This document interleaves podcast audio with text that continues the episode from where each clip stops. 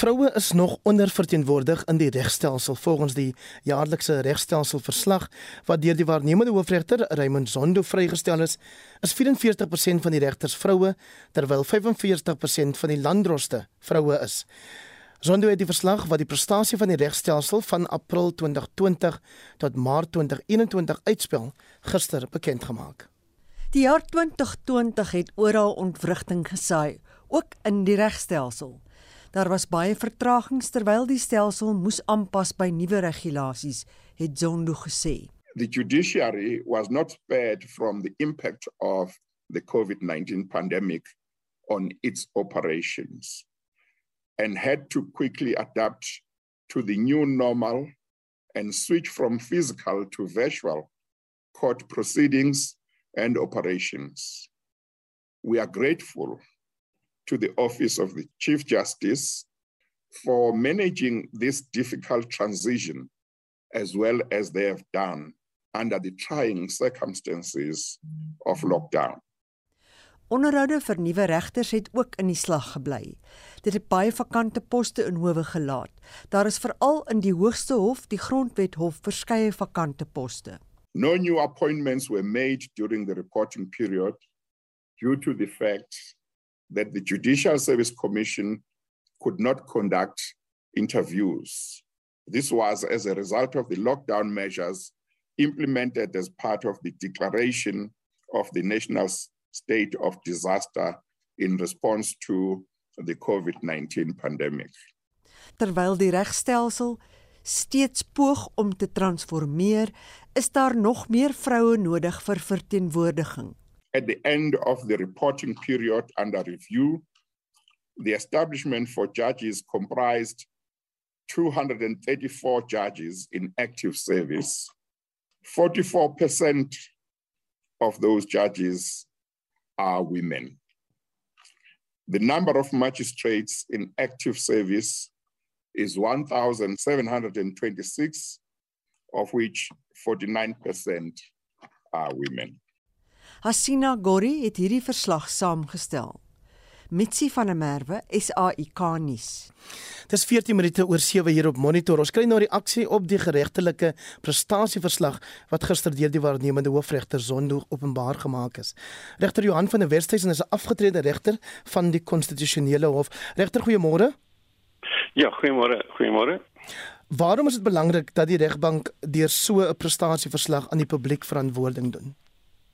Ja, ek dink mense moet duidelik verstaan waaroor hierdie verslag gaan. Ehm um, tradisioneel in Suid-Afrika en ander lande soos Suid-Afrika is die regbank nie die uh, verantwoordelik daarvoor om verslag te doen oor die of te verduidelik die inhoud van sy uitsprake nie. 'n Uitspraak uh, moet vir homself praat. Daar moet duidelike redes in elke uitspraak gegee word uh, 'n mens kan nie 'n jaar na die tyd vir 'n regter vra hoekom moet jy vir iemand tot 10 jaar gefonnis en nie tot 15 jaar nie. So waaroor hierdie verslag gaan is soos wat hulle dis daar in Engels sê performance management of performance measuring om die om om hoe hard die howe werk en hoe suksesvol hulle is um, aan die publiek te verduidelik dat daar deursigtigheid moet wees die publiek moet weet waarmee howe besig is. Uh, ek kan ook net ter agtergrond hier byvoeg dat vroeër het die howe insluitende die hoofregter se kantoor onder die departement van justisie geval. Uh 'n paar jaar gelede het uh, een van die afgetrede regters van die hof, regter Lori Ackerman vir die hoofregter op daai stadium Sandile en Gogo gesê dat daar moet iets wees soos 'n state of the judiciary. Jy weet soos wat ons 'n state of the nation address het. Ehm um, waar aan die publiek verslag gedoen word. Daar is ook toe heel wat vordering gemaak en op die oomblik is die hoofregter se kantoor. Dit beteken nie regter Mogoeng of wie ook al en sy onmiddellike personeel nie. Dit is 'n hele afsonderlike departement in die staatsdiens op die oomblik. Uh nie meer die gewoonweg die departement van justisie nie. Uh dit is 'n afsonderlike departement ehm uh, wat genoem word die office of the chief justice die kantoor van die hoofregter en hulle doen dan verslag nie net oor die grondwetlike hof waar die hoofregter self regter is nie maar oor die werkverrigting van al die howe soos wat ons nou gehoor het die landdroshowe die hooggeregshof die spesialishowe ensovoorts En hoe sou Johan van der Westhuizen sê wat is die stand van ons regstelsel? Of soos wat jy nou in Engels genoem het, the state of the judiciary? Wel, wat wat die inhoud van uitsprake betref, uh, is daar natuurlik soms uh, kritiek en mense uh, in bykans elke saak sal een van die twee kante ontevrede wees met die uitspraak. Maar soos wat daar debatte in die pers was ensovoorts, dink ek nie op die oomblik is daar ernstige rede tot kommer dat regters bevoorbeeld bevooroordeel sou wees of dat hulle omgekoop word of een van enige van daai dinge wat al in ander lande gebeur nie. Wat wel 'n probleem is, is die geweldige agterstand en dit is waar oor 'n groot mate waaroor hierdie verslag ook gaan. Ehm um, strafsaake byvoorbeeld daar sit mense in die tronk vir maande en soms vir jare wat nog nie verhoor is nie uh, wat verhoor afwagtend is. Dit dra geweldig daartoe by dat die tronke oorbevolk is byvoorbeeld. Uh die onlangs afgetrede hoofregter Mogoeng Mogoeng eh, vir hom was wat hy genoem het case management die bestuur in die afhandeling van sake uh baie belangrik in in alle howe. En soos wat ons nou gehoor het, het die howe ek verstaan nie heeltemal die die syfers mooi nie, maar die howe het vir hulle self sekere teikens gestel oor die afhandeling van sake en in 'n wisselende mate wel daarmee uitgekom. Maar die die stadige werking van die regstelsel en eintlik maar van die hele staatsadministrasie gepaard gaan nou nog deesdae met rekenaarprobleme en sisteme en al sulke soort van goed. Dit is inderdaad 'n probleem dat daar mense is wat baie baie lank wag vir uitsprake of hoegenaamd om voor die hof te kom. Soos ek sê veral in strafsaake, dit is nie 'n nuwe ding nie. 'n klompie jare gelede was daar 'n dame in Pretoria wat iets soos 9 jaar in die tronk was. Uh, sy was veronderstel om 'n bendeleier te wees en dalk was sy. Maar na omtrent 9 jaar verhoor afwagtend is sy uiteindelik vrygelaat en nie aan enige iets skuldig bevind nie. So dit is natuurlik 'n probleem. Regter Johan van der Westhuizen is afgetrede regter van die konstitusionele hof en hy praat vanoggend met ons oor die geregtelike prestasieverslag wat gister deur die waarnemende hoofregter Raymond Zondo beskikbaar gestel is of openbaar gemaak is. 'n 61% prestasie wat betref die afhandeling van sake in die konstitusionele hof. Is dit voldoende? Um, ek is nie seker presies wat hulle bedoel met afhandeling nie. Ek dink ons ek het nie die verslag self uh, behoorlik kon lees nie. Uh, ons mag dalk in terminologie 'n bietjie vas 'n klein bietjie vasdraai. Kyk in ander howe word sake dikwels gedeeltelik aangehoor en dan uitgestel ensovoorts. Dit gebeur nie eintlik in die grondwetlike hof nie. So ek is nie seker presies wat daardie syfer beteken nie. Uh of daar uitsprake is wat voorbou is of so iets dergeliks nie. Ehm um, daar is ook groot moeite gedoen in die konstitusionele hof spesifiek om uitsprake vinnig uit te kry. Maar jy weet in die konstitusionele hof is daar 'n hele proses voor die saak hoegenaamd aangehoor kan word. Daar kom talle aansoeke in en, slegs 'n sekere hoeveelheid van hulle uh, kry werklike verhore. So die 61% op die oog af klink nie eintlik baie goed nie. Ek moet daarom net ook by sê in in die 12 jaar wat ek op die hof was vandat ek uh, in 2004 daar begin het tot 2016 toe ek weg is, het die hoeveelheid aansoeke en die hoeveelheid sake geweldig toegeneem. En die aantal regters het maar dieselfde gebly. So die werkklas van die konstitusionele hof byvoorbeeld het geweldig toegeneem. En dit gaan natuurlik nie net oor die enkele hoë profiel sake wat ons op radio en televisie en in die koerante van lees nie. Daar is honderde aansoeke wat skriftelik ingedien word en dan gaan 'n uh, uh, daar's 'n stelsel binne die hof, maar daar word deurgegaan om te besluit of die saak hoegenaamd op die rol geplaas gaan word en aangehoor gaan word. Uh nou al daai dinge verg werk van die regters en hulle klerke. So ehm um, hoe presies die 61% bereken is, weet ek nie. Ek dink nie dit klink baie goed nie. Uh maar ek dink jy weet byvoorbeeld in Duitsland waar die grondwetlike hof baie hoog aangeslaan word. Neem sommige van hulle uitsprake tot 7 jaar om gelewer te word. Uh omdat hulle so baie van hulle eie navorsing doen, die regters ensovoorts. Die Suid-Afrikaanse regstelsel werk 'n bietjie anders. Uh regters is veronderstel om te werk met die inligting wat advokate wat voor hulle verskyn vir hulle gee. Uh maar ek dink daar is 'n vordering gemaak oor hoe lank sommige uitsprake voorbehou word. Uh ons het hierdie jaar wel gesukkel. Uh dit het baie lank gevat om die Zuma uitspraak te kry.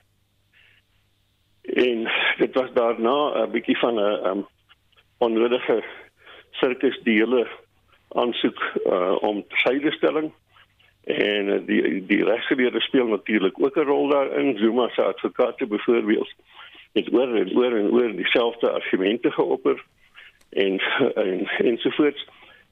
So dit hang weer nie net af van die regters self nie, dit hang ook af van hoe die hele stelsel werk. So daai Zuma uitspraak het vir ons van daar 'n bietjie te lank gevat. En, en daar was seker ander ook, maar wat ons nie van hoor nie is al die baie uitsprake wat deurgaan wat nie van soveel nuuswaarde is nie en wat ook baie werk kos. Soms meer werk kan soms meer ingewikkeld wees as die as die uitsprake met politieke implikasies. Regter Zondo het ook veral melding gemaak van geslagsongelykheid 44% vroue uit die 234 regters en 49% vroue uit 1726 landdroste sê iets oor die kwessie van transformasie sê dit in terme van geslag of dan nou ras en die vermeende afjak van wit regters of uh, kandidate is. Ja, ek klink dit klink vir my daarom of die 49% vrouens vir die landroste uh, glad nie 'n te slegte getal is nie.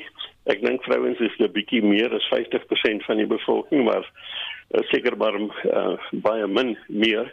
So daar is beslis vordering gemaak wat rasse transformasie betref. Ehm um, klink dit vir my asof daar geweldig baie swart regters en landroste dies daar is in teenstelling met die ou dae wat daar geen was nie en wat dit toe baie stadig gegaan het. Uh, ek het onlangs 'n hele artikel geskryf in die Mail and Guardian oor hierdie kwessie van die wit regters. Uh, die grondwet self sê nommer 1 dat die regbank uh verteenwoordigend moet wees van die ras en geslagssamestelling van ons land. Maar dit beteken daar moet gestrewe word na verteenwoordigende uh, verteenwoordigende situasie. Ehm uh, byvoorbeeld mense sou nie oornag enige van hierdie doelwitte kon bereik nie. Wat betref wit regters, ek wil my nie uitlaat oor die spesifieke onderhoude wat daar was vir die posisies op die op die ehm um, grondwetlike hof nie. Jy weet daardie hele proses is tersyde gestel deur hof nadat hoofregter Mogoeng wat uh, voorgesit het 'n paar baie snaakse dinge gedoen het tydens die onderhoude. Toe is die onderhoude weer gevoer en dieselfde kortlys is aan die president gestuur vir aanstelling. Ons praat nie nou van die hoofregter nie. Ons praat van vakante regterskappe op die grondwetlike hof en weer was die name van die twee prominente wit kandidaate nie daarop nie. Ek kan nie op die spesifieke situasie ehm um, kommentaar lewer nie wat ek wel kan sê is dat indien daar 'n situasie bereik sou word en dit het ek geskryf waar enige lede van die Judicial Service Commission van die regterlike dienskommissie daar sit en dink dat geen wit regter mag ooit weer aangestel word nie dan moet daar die mense bedank want dit sou doodgewoon uh ongrondwetlik wees en daar benewens sou hulle natuurlik in 'n baie groot mate talent vermors as hulle so so houding sou hê. Jy het vroeër gesê ons het daarom nog nie 'n situasie in die land waar regters of waar daar bewyse is dat regters omgekoop word nie, maar ons weet dat daar heel dikwels beskuldigings van die aard is. Ja, weer eens ehm um, oor die landroste kan ek my nie te veel uitlaat nie. Die landroste se situasie is baie anders as regters en en ek sê dit is baie baie moeiliker. Landroste het baie van die eerstens hulle staatsamptenare. Nie soos regters onafhanklik nie.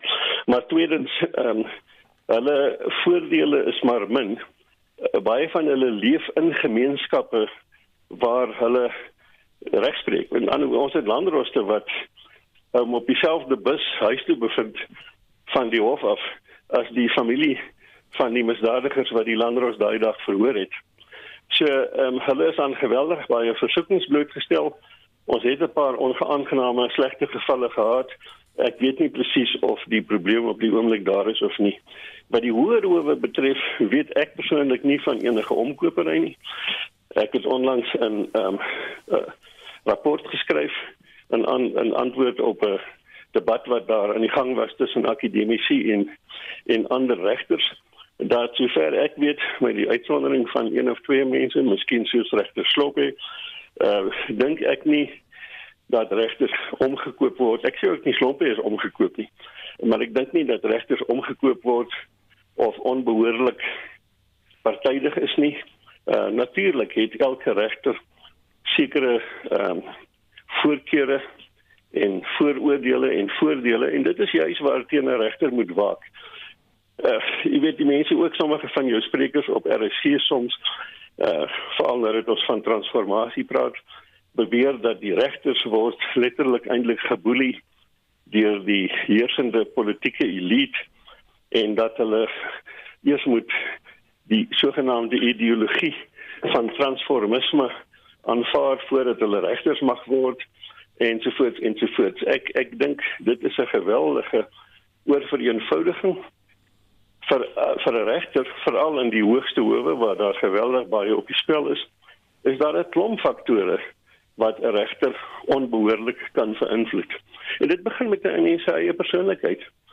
Uh dit begin met die feit dat jy nie van vrouens hou nie of wel van vrouens hou dat sommige mense meer simpatiek is teenoor armoede as ander dat sommige regters te bang mag wees dat hulle uitsprake gekritiseer mag word omdat hulle beskou mag word as gekant teen kinders of of wat dit al. So ehm um, dat daar baie foute gemaak sou word uh veral op in die hoë waar mens nog teen kan appeleer dat die hoogste hof toe dit is seker so want ons is almal mense maar ehm um, elke regter elke dag moet waak daarteen teen eie vooroordeele, eie versoekings, nie net van 'n politieke aard nie.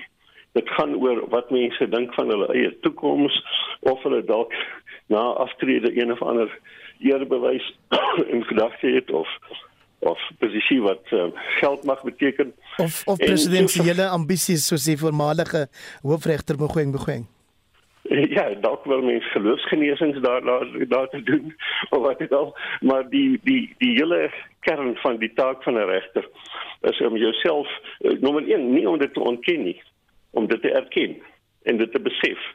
En dan in die spieël te kyk en jouself te of in jou eie gedagtes in te kyk en jouself te probeer distansieer van jou eie vooroordeele en so regverdig as moontlik uitspraak gee. Maar van omkopery byvoorbeeld, soos wat daar op 'n stadium in groot skaal plaasgevind het in Kenia, soos wat dit ons hoor dit miskien plaasvind in Indië, daarvan is ek nie op die oomblik bewus op die vlak van regters nie. Regter Johan van der Westhuizen, verskriklik baie dankie vir jou tyd en jou insette vanoggend. Regter van der Westhuizen is 'n afgetrede regter van die konstitusionele hof. Kersgeskenke waarvan jy dalk nie so baie hou nie of waar jy dalk reeds die item besit, wat maak jy dan?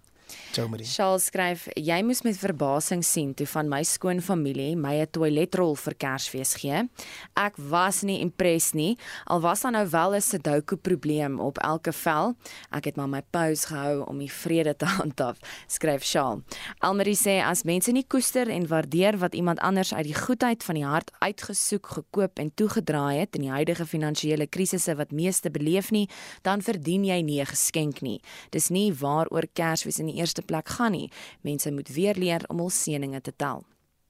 Nikki skryf: "Persoonlik luister ek maar deur die jaar en let op waaroor mense praat. Dit help baie wanneer jy 'n geskenk moet koop. En as ek ietsie kry waarvan ek nie hou nie, het my moedertjie my goed geleer om dankbaar te wees want daai persoon het ten minste aan my gedink. Dis seker die hemelbreedste verskil tussen die ou jare en nou. Kersfees gaan nie oor geskenke nie, maar eerder 'n gesinsdag van waardering." Op die SMS lyn skryf Tosca: "My pa het 1 jaar vir elke kind en my ma geld gegee en ons stad toe gevat. Ons moes ons eie geskenke koop en toedraai. Dit was wonderlik lekker en anders interessant." En dan 'n luisteraar op die SMS lyn skryf: "Somstyds gee mense geskenke net omdat hulle voel hulle moet en in sulke gevalle gee hulle goedkoop geskenke wat onnutbaar is vir die ontvanger. In baie opsigte is sulke geskenke net 'n belediging," skryf die luisteraar. En dan op Facebook sê Koos is ons gooi name in 'n hoed en elkeen trek iemand anders se naam. Jy mag 'n wenslys aan die persoon verskaf wat jou naam trek. Hy sê sy eerste keuse is wel 'n verrassing. Nou ja, ons praat vanoggend oor jou ervarings met Kersgeskenke. Praat gerus saam, ek is net voor 8 terug met die laaste ronde terugvoer. Jy kan 'n SMS stuur na 45889. Dit kos jou R1.50. Jy kan ook saampraat op ons Facebook bladsy en dan kan jy 'n stemnota stuur na 076 536 6961.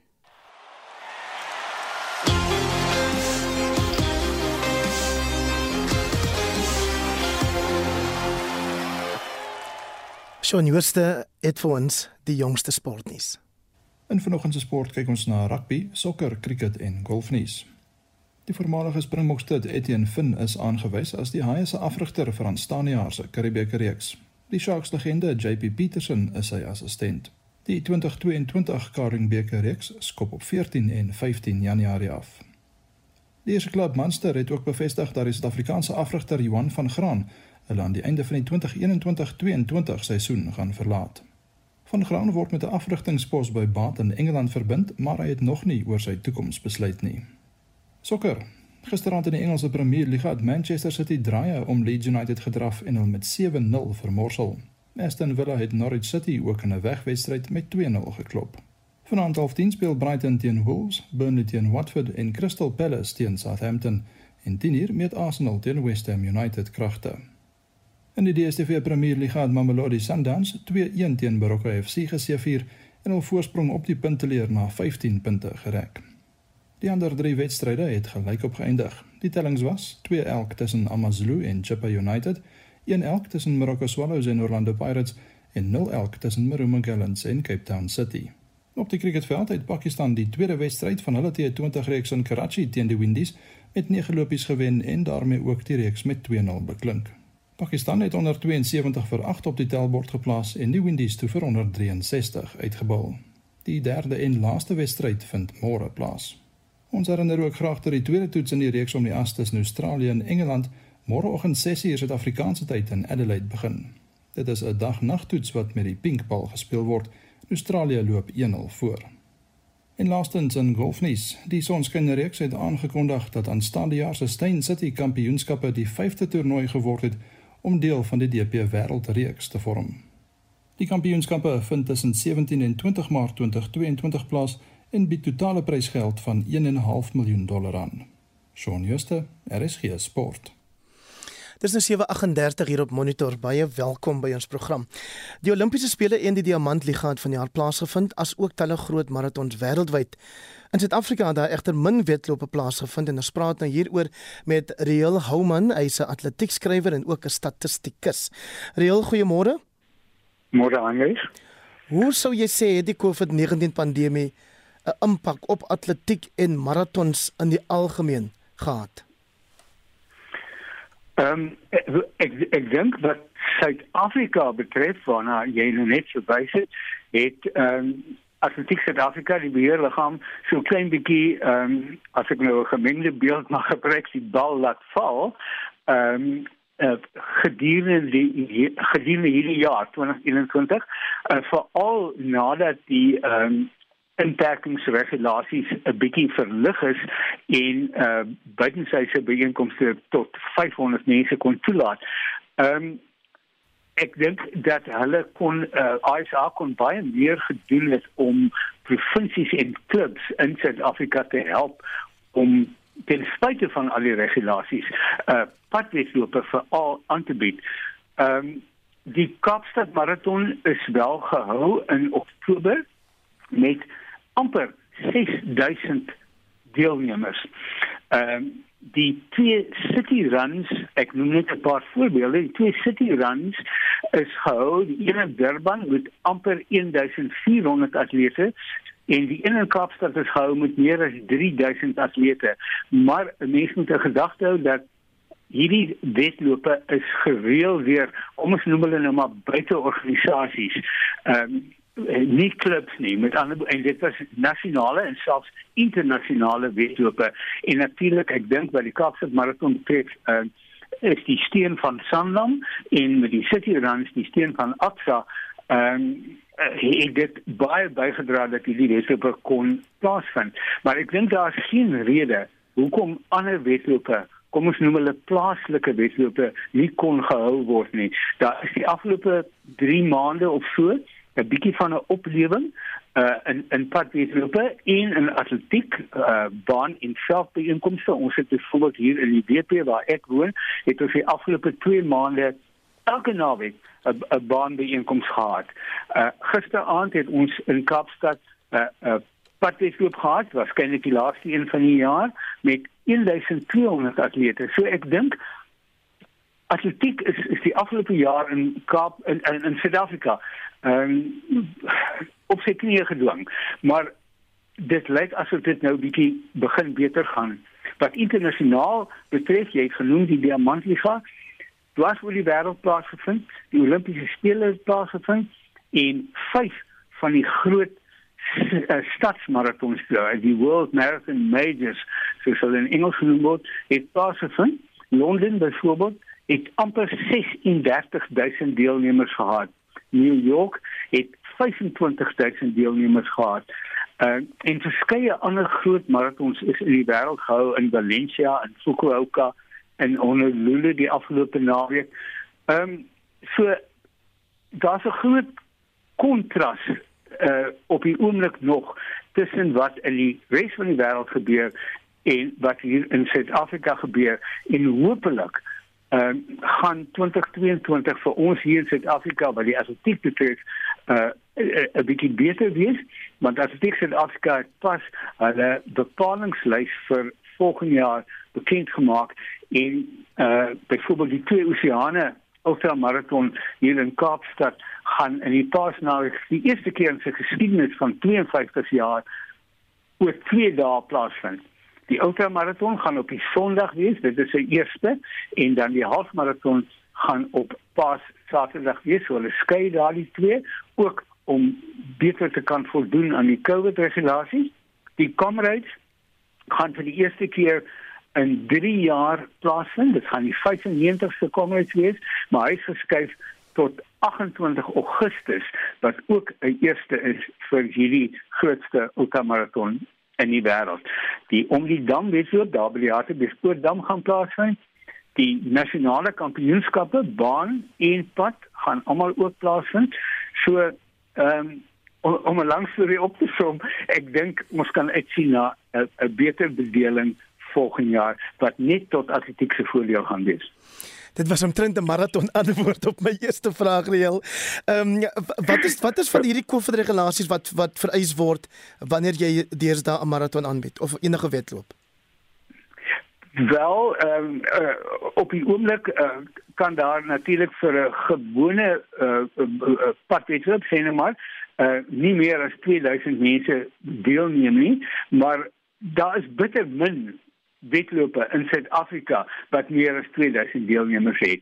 Ehm uh, hierdie uh, die wat ek genoem het, die Kaapse Marathon en die City Run, hulle het spesiale toestemming gekry. Ehm um, en die atlete spring weg in in golwe. Ehm um, en Engels noem dit waves, gewoonlik van omtrent 1000 atlete op 'n slag wat 1 of 2 minute na mekaar wegspring. Die atlete moet natuurlik COVID toetse ondergaan of bewys dat hulle dit gehad het in die week voor die tyd. Ehm um, maar maar dit is dit is basies al. Ehm um, en en ek dink daar's geen rede eintlik hoekom daar nie 'n 'n gewone pad gewone pad het op kan wees. Met ander nie nie nie die groot uh, maratons en die goed nie. Daar was verlede naweek 'n maraton in Port Elizabeth waar daar 900 atlete aan deelgeneem het. Ehm um, So dit gaan seker 'n bietjie afhang sover ek weet gaan daar vandag weer 'n aankondiging kom van die regering. Gaan seker 'n bietjie daarvan afhang maar ehm um, die die uh, baanbeeenkomste hier in Kaapstad wat, wat ek bygewoon het die afgelope tyd is die COVID regulasies baie streng toegepas. En daar was toeskouers en daar was atlete en almal het dit geweldig geniet Riel baie dankie vir jou insette vanoggend. Uh, Riel Houman is 'n atletiekskrywer en statistikus. Nou 7:45 vir wêreldnuus sluit ST nou by ons aan en ons begin by die Wêreldgesondheidsorganisasie wat waarsku dat die Omicron variant van die koronavirus teen rasseskrede in die wêreld versprei. ST Ja, Henrich, die WHO sê gevalle van Omicron is reeds in 77 lande bevestig, maar die hoof van die WHO, Tedros Adhanom Ghebreyesus, sê die variant is waarskynlik reeds in talle ander lande waar dit nog nie bespeer is nie. In die VSA het tot op hede net meer as 800 000 mense weens die koronavirus gesterf. Ghebreyesus het gister by 'n media-konferensie gesê hy is bevrees nie genoeg word gedoen om die variant onder beheer te bring nie. Omicron is spreading at a rate we have not seen with any previous variant. We're concerned that people are dismissing Omicron, Omicron as mild. Surely We have learned by now that we underestimate this virus at our peril. Even if Omicron does cause less severe disease, the sheer number of cases could once again overwhelm unprepared health systems. Hy het ook kommer uitgespreek oor entstofonggelykheid, soos wat sommige lande versterkingsdosisse beskikbaar stel in reaksie op Omicron. Onlangse navorsing deur Pfizer het bewys dat die inenting minder neutraliserende teenliggame teen Omicron het in vergelyking met oorspronklike variante, maar dat 'n versterkingsdosis kan help. Dr Louise Ivers van die Sentrum vir Wêreldgesondheid aan Massachusetts se Algemene Hospitaal sê die virus sal nooit oorwin kan word as daar nie inentingsgelykheid is nie. We have a huge gap in the world where only 7% of the lowest income countries are vaccinated. It's a public health failure, it's a moral failure, and we won't be able to emerge from the pandemic safely unless we're able to address that. So, the tension, I think, between boosters versus getting some people their very first shot is very real. I think the geopolitics and the way the vaccines have been um, purchased and hoarded and um, sequestered in rich countries out of the reach of poorer countries means that one person giving up their booster doesn't necessarily mean that a person in another country will get theirs right now. But I do think it's of unfair and inappropriate allocation of the vaccines that we have in the world. En dit was Dr Louise Ivers van die Sentrum vir Wêreldgesondheid aan Massachusetts se Algemene Hospitaal. Ons bly by COVID nuus. Soos ons reeds berig het, het die Verenigde Koninkryk bevestig dat hy sy reisverbod teen Suid-Afrika en 10 ander Afrika lande opskort. Is dit? Ja, die ander lande sluit in Angola, Botswana, Eswatini, Lesotho, Malawi, Mosambiek, Namibië, Zambië en Zimbabwe. En Suid-Afrika en die lande is verlede maand op die VK se rooi lys geplaas as voorsorgmaatreël nadat wetenskaplikes die Omicron variant van COVID-19 geïdentifiseer het. Intussen het die Britse eerste minister Boris Johnson 'n reuse parlementêre rebellie deur sy eie party oorleef oor strenger COVID-19 maatreëls. Byna 100 konservatiewe LPs het sy pleidooi vir ondersteuning op die laaste oomblik verwerp en die stemme oorgelaat aan die oppositie Arbeidsparty om die maatreëls deur te voer. Die leier van die Arbeidsparty, Sir Keir Starmer, sê Johnson se gesag is benadeel. It confirms that he's too weak to discharge the basic functions of government. These public health measures would not have gone through if Labour hadn't shown the leadership that the Prime Minister failed to show just uh, when we need decisive decisions in this pandemic. It's the worst possible leader at the worst possible time. Nou verskuif ons die fokus na New York wat sy verpligte inentingsregulasies teen COVID-19 verder uitgebrei het. Kinders van 5 jaar oud word nou ook verplig om ingeënt te word. Die verpligte inenting is reeds van toepassing op alle werknemers by 184000 maatskappye in die New York distrik. En werknemers het nog tot 27 Desember tyd waarna hulle moet kan bewys dat hulle ten volle ingeënt is. Kinders van 5 tot 11 jaar moes teen gister reeds met een dosis ingeënt wees en kinders van 12 jaar en ouer moet teen 27 Desember ten volle ingeënt wees om in restaurante en by enige ander buitemuurse aktiwiteite toegelaat te word. Laastens dan nuus van die Olimpiese spele in 2024 waar die organiseerders van die spele in Parys dinge so bietjie anders sal doen. Ja, en die organiseerders sê hulle verwag dat minstens 600 000 mense die openingsseremonie van die spele sal bywoon en dit sal plaasvind op die Seinrivier waar atlete en afgevaardiges op sowat 160 vaartuie vir 6 km ver op die rivier sal vaar. Dit sal die eerste keer wees dat 'n openingsseremonie nie in die stadion sal plaasvind nie. En die organiseerders sê hulle wil die landskap gebruik om die seremonie binne die bereik van honderde duisende mense te plaas sonder dat hulle noodwendig toegangsgeld moet betaal. Dan vanoggend se oorsig van wêreldnuus wat saamgestel is deur ST de Klerk. Jy is nooit te oud om te leer nie. Die gesegde het nuwe betekenis gekry met twee studente in hulle 80's wat vanjaar graad vang aan Stellenbosch Universiteit. Die 83-jarige Antoinette Swart het haar doktorsgraad in antieke kulture voltooi terwyl die 80-jarige Rosemary Lapping Sellers haar meestersgraad in visuele kunste behaal het. Essie de Klerk het meer. Carpe diem. Dit is die lewensfilosofie van Antoinette Swart wat pas haar 60 graad op die ouderdom van 83 jaar gevang het. Ek lewe nou al hierdie jare met die uitkyk, gryp die dag en soos my ma altyd gesê het, whatever is worth doing at all is worth doing well.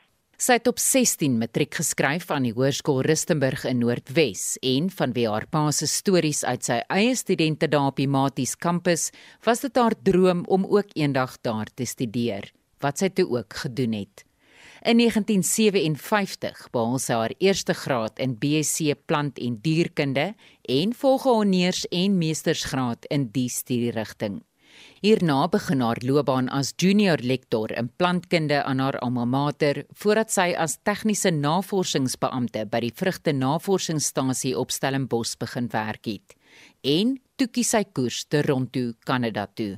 Dit was eintlik die landboukampus van die uh, Universiteit Toronto waar my man uh, studeer het. Hy het nagraads daar gedoen en dis toe ek daar ook 'n navorsingsassistent geword het by die plantkunde departement. Met hulle terugkeer na Suid-Afrika, was sy eers vir 10 jaar lank voltyds ma vir haar drie kinders, voordat haar loopbaan 'n wending geneem het na die onderwys as biologie-onderwyser. Eers by Grey College in Bloemfontein en daarna by die Afrikaanse Hoër Meisieskool in Pretoria, voordat sy ook 'n senior dosent in plantkunde by die Onderwys College vir voortgesette opleiding geword het. Ja, ek het die onderwys betree uh, sonder 'n onderwyskwalifikasie totdat die biologie inspekteur in die Vrystaat gesê het hy dink is nou tyd vir HOD. Toe het ek dit deur die NISA gedoen. Daarna woon hulle ook in Australië en in 2011 op 75 jarige ouderdom behaal sy 'n meestersgraad in Bybelinterpretasie. Ek het heeltemal van die natuurwetenskappe geskuif na die geesteswetenskappe, iets wat ek graag wou doen, want ek het intussen by Unisa losgeraak vakke geneem wat my interesseer onder andere antieke geskiedenis. En ek het altyd gevoel jy weet ek wil my graag bietjie bekwam in die in die geesteswetenskappe ook. Vanaf vir BA sou net te lank gewees het. Toe kom daar in Stellenbosch by die teologie 'n kursus wat 'n mens van enige dissipline kon kom en honeurs doen in Bybelinterpretasie En dis toe waar hierdie hele storie weer begin. Ek het 'n meestersgraad gedoen in invul in aan by interpretasie.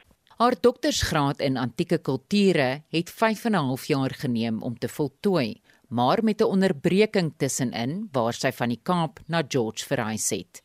Sy het haar teses gedoen in 'n onderwerp waarin sy baie belangstel. Ek het gewerk op die reliefs op een van die geboue wat koning Darius gebou het. Hy het 'n seremoniële stad gebou by Persepolis en een van die geboue is pragtig versier met reliefs van 23 groepe wat vir hom geskenke aandra. En oor 12 van die groepe is daar ooreenstemming tussen die geleerdes wie en wat hulle is, maar 11 van hulle is daar groot groot onsekerheid. En toe het ek nou probeer kyk of ek met ikonografiese analise dalk 'n antwoord kan kry maar net een resultaat van die 11 was positief.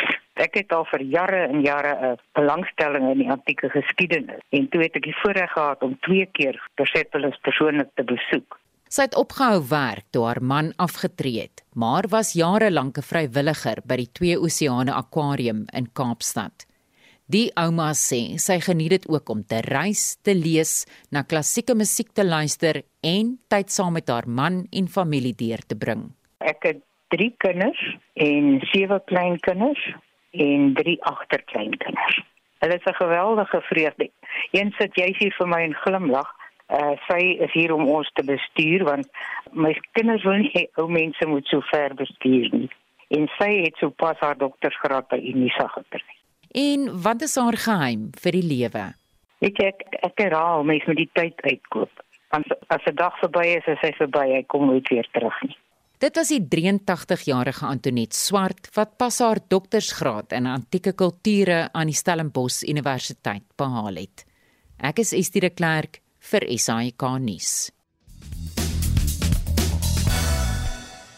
John Merit vir ons terugvoer vir oulas. Ja, kom ons val weg met 'n stemnota. Wat ons gewoonlik doen met geskenkies wat jy kry vir Kersdag, wat jy nie regtig nodig het nie of jy wil dit nie regtig hê nie, dan ons altyd in in Julie, dan hou ons 'n Kersfees in July en dan vat jy daai geskenkies wat jy nie wou gehad het nie en jy ons gewoonlik stuur ons dit om met musiek en as die musiek stop, dan vat jy daai persentjie wat dan voor jou lê. Dit is maar wat ons doen dan vat jy nie die mense wat die geskenkie vir jou gegee het in die gesig nie. Lekker dag en geniet julle program. Bye bye. Wilma van van der Byl. Dis 'n baie interessante manier om die geskenk te vir iemand anders te gee. Frikkie sê ons het 'n secret Santa by die werk waar elkeen 'n lysie skryf met 3 items waar hy of sy wat hy of sy sal waardeer en die een wat jou naam trek het dan 'n riglyn wat om te koop. As ek 'n ongewenste geskenk kry, bær ek hom en gee dit later weer as 'n geskenk Mens kyk nie 'n gegeewe perd in die bek nie. Op die SMS lyn skryf iemand ons koop maksimum R200 uh, geskenke en dan ruil ons dit met 'n speelietjie. Dit is amper soos wat Wilma sê, met 'n speelietjie totdat almal die geskenk um, het. En dan skryf iemand anders geskenke gaan oor die aksie van gee en ontvangers moet leer om dit met grasie te ontvang. Elke klein geskenk beteken iemand het aan jou gedink. Jy hoef nie daarvan te hou om goeie maniere te hê nie. En dan skryf Jacolies, ons familie wat jaarliks saam Kersfees vier, ken mekaar se voorkeur van 'n spesifieke naamproduk en dan klip ons groepie saam en koop een ordentlike produk vir daai iemand se voorkeur uh, vir haar Kerskous. Dis nou in plaas van om 10 of 20 verskillende nie bruikbare geskenkies te kry nie, alles word dus fyn beplan, nes die pragtige Kerskostafels. Dit is die Jacolies wat so skryf op Facebook. Baie dankie vir die saampraat vanoggend. Ons maak môre weer so. Ons Spectrum aanbieder Susan Paxton is hier saam met my om vir julle te vertel wanneer julle vandag se program kan uitsien. Ja, ons bespreek die opheffing van Brittanje se reisverbod. Ons praat met 'n kenner oor die stygings in COVID gevalle en die Golden Globes benoemings word bekend gemaak. Dit alles tussen 12 en 1 uur in Spectrum skakel in. Dis 'n groet tyd van my kant af. Dit was lekker om jou die afgelope 3 oggende geselskap te hou hier op Monitor. Ek groet namens ons uitvoerende regisseur Nicoline de Wee, ons redakteur vanoggend Wessel Pretorius. Ons tegniese regisseur is Daitron Godfrey. Jy moet 'n fantastiese Woensdag hê.